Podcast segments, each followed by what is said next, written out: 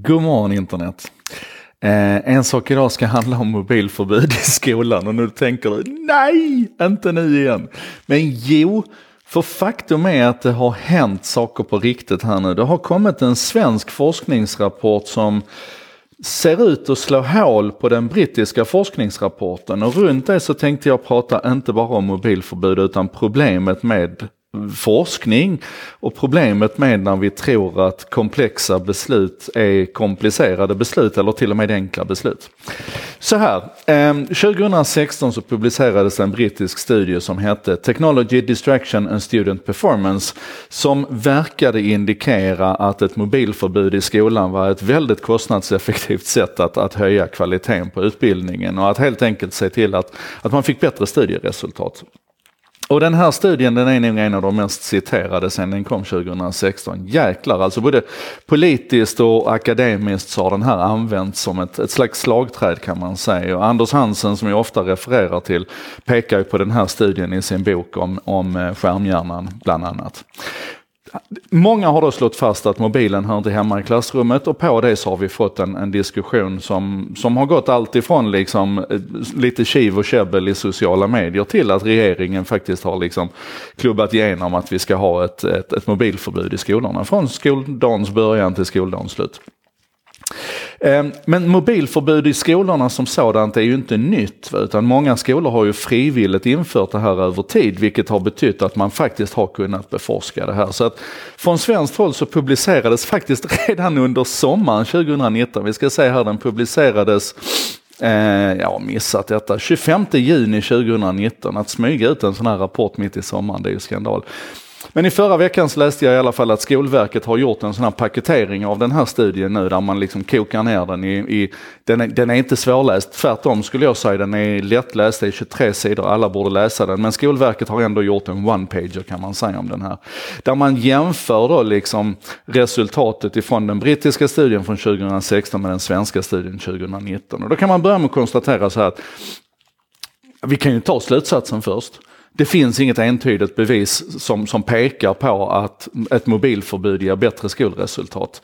Eh, överhuvudtaget inte. Ehm, men om vi ska titta på studien då så man har alltså emulerat kan man säga den, den brittiska studien.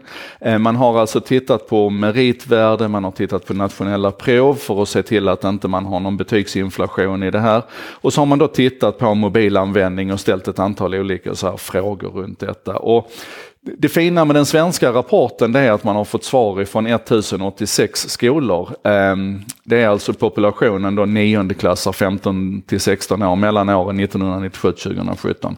Och, och 1086 av skolorna, det är, en, det är en svarsfrekvens på 75 procent, vilket ska jämföras med 21 procent i den brittiska studien.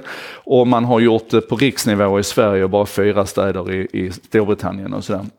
Och Överhuvudtaget, det här är alltså då en, en studie som är, är, kvantitativt kan man säga och förmodligen kvalitativt eftersom den är senare bättre och mer välgenomförd än den brittiska studien. Um, och, och, som sagt, slutsatsen här är att hur man än försöker mäta och väga det här så ser man liten eller ingen effekt av ett förbud. Och sen kan man då naturligtvis börja dra lite, lite slutsatser av det här. Eh, man kan försöka dra slutsatser, man kan säga att mobilförbuden betyder egentligen ingenting eller man kan säga att skillnaden mellan ett totalt mobilförbud och det tidigare mobilförbudet som många lärare hade i klassrummet har inte varit tillräckligt stor för att göra någon, någon mätbar skillnad och så vidare. Men hur som helst, det som jag tycker är intressant med den här studien det är att vi nu har en studie som egentligen är gjord på exakt samma sätt men i svenska förhållanden istället för brittiska förhållanden med en större cohort, senare gjord och så vidare som totalt debunkar det man kom fram till i den brittiska studien. Och då måste vi börja fundera på det här med studier för vi säger ju ofta att liksom skol, skolan till exempel den ska ju bygga på beprövad erfarenhet och vetenskaplig grund. Och då är frågan hur en vetenskaplig grund kan hänga med i den världen som vi lever i idag. Alltså, det är en sak när vi pratar om forskning av, av uråldriga grundämnen eller till och med när vi, när vi pratar om, om eh, matematisk forskning eller när vi pratar om, alltså, de allra flesta områden inom forskningen är relativt trögrörliga och det finns en, en rimlighet i att, att vi lutar oss tungt emot forskningen. Men när det gäller samhället, antropologin, när det gäller hur vi människor fungerar och samverkar med telefonen så blir det ett problem. Jag kan nämna till exempel att Ehm, Medieinstitutet gör en studie vartannat år som handlar om barnen och medierna. Och mellan 2010 och 2012 så såg vi en fantastisk ökning på frågan eh, vad använder du mobiltelefonen till? Och ett av svarsalternativen där som man då ställde till barn mellan 9 och 16 år tror jag det var att jag använder mobiltelefonen till internet. Andra svarsalternativ är att jag, jag tar bilder med den, jag spelar spel på den och så vidare. Och på de två åren mellan 2010 och 2017 så ökade svaret jag använder mobiltelefonen för internetaccess. Det ökade från 7 hos 16-åringarna 2010 till 94 hos 16-åringarna 2012. Alltså på två år så gick vi från 7% till 94% Det finns ingen forskning i världen som kan hänga med i en sån, i en sån snabb utveckling. Ehm, så tempot är ett problem. Ett annat problem med forskningen är att vi åtminstone politiskt och i samhällsdebatten älskar att plocka körspärr. Alltså vi plockar den studien som vi tycker visar det som, det som vi vill föra fram.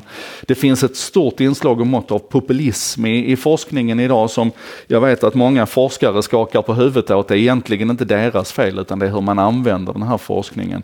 Och ett problem som jag tycker är tydligt när vi pratar om just om människor och, och forskning och samhälle och forskning det är att allt för få studier är longitudinella, alltså att man följer samma grupp över tid och ser förändringar, utan det är väldigt ofta liksom en ögonblicksbild. Man gör ett nedslag och så säger man så här ser det ut och sen ska man försöka bygga någon slags slutsatser på det utan att veta hur såg det ut för de här människorna igår och hur ser det ut för dem imorgon. Och det är nog ett av de största problemen. Ett annat jätteproblem jag har med det här, och det var där jag började idag, det är det här med komplicerat och komplext. Alltså ett enkelt beslut i fråga om mobilförbud är att man tittar sig omkring i klassrummet och så ser man att barnen sitter med mobiltelefon och så säger man att Nej, men vi tar bort mobilerna för att de stör utbildningen. Det är ett enkelt beslut kan man tycka. Ett komplicerat beslut är när man säger att det här är en komplicerad situation. Vi behöver forska oss fram till rätt svar här. För vi vet att det finns rätt, rätt svar. Vi vet att det finns ett rätt svar. Kan vi liksom bara, kan vi bara göra den här forskningen tillräckligt kvalitativ och, och djup och, och, analysera den rätt så kommer vi komma fram till exakt det rätta svaret hur vi ska förhålla oss. Problemet är att under tiden som vi gör allt det så har ju utvecklingen flyttat på sig igen. Människor har förändrat sina beteenden, förutsättningarna har radikalt förändrats.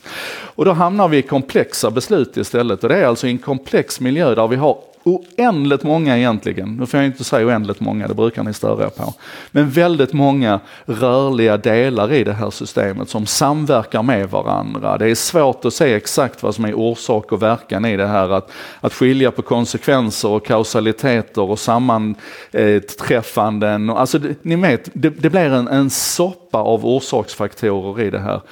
Och i en komplex värld så måste vi pröva oss fram. Vi måste vara väldigt ödmjuka inför förändringarna, inför vår egen okunskap och så prövar vi oss fram och ser vad som, vad som funkar. Och då säger ni säkert så att ja, men det kan vi väl inte göra med våra skolbarn. Vi kan väl inte hålla på och experimentera med dem. Men jo, jag tror att om vi gör det här ödmjukt och på rätt sätt så kan vi, så kan vi faktiskt det. Och jag skulle vilja föreslå att vi allt oftare vi ska fortsätta forska naturligtvis, men att vi allt oftare i praktiken sen i utfallet av det här agerandet så ska vi arbeta ut efter tre riktlinjer egentligen. Det första är att vi verkligen skaffar oss järnkoll på nuläget. Vad är det som är oomtvistat? Vad är det som ingen kan diskutera bort? Och i fallet med mobilförbud i skolan och barn så är det kidsen har mobiltelefoner. Oavsett vad vi gör i skolan så kommer mobiltelefonen att fortsätta finnas i deras liv. Det är oomtvistat och det är, det är ett element i järnkoll på nuläget. Nästa steg då, den andra riktlinjen, det är att dra konsekvensen att sätta sig ner och tänka på det här. Alltså fundera på det och tänka långt nog och, och tänka så här, har vi rätt fokus? Är det läraren vi ska fokusera på eller är det eleven? Är det den högpresterande som inte har några problem med mobiltelefonens närvaro för han får all hjälp hemma ifrån föräldrarna? Eller är det den, den, den lågpresterande som behöver hjälpen och hur hjälper vi i så fall den att hantera den här digitala miljön om vi tar telefonen ifrån dem och så vidare? Att vi funderar igenom effekterna, dra konsekvensen hela vägen ut. Cost benefit och så vidare. Och det tredje, det är egentligen den tredje riktlinjen, det är att, att bestämma oss för att leta positiva möjligheter. För vi kommer aldrig kunna backa på utvecklingen. Vi pratar om circle of concern, saker som vi bekymrar oss över, men vi pratar också om circle of influence, där vi kan påverka saker. Och i frågan om mobilförbud i skolan så kommer vi aldrig kunna påverka det så att mobilen försvinner ur barnens liv. Så låt oss se istället hur vi kan göra något positivt av det här.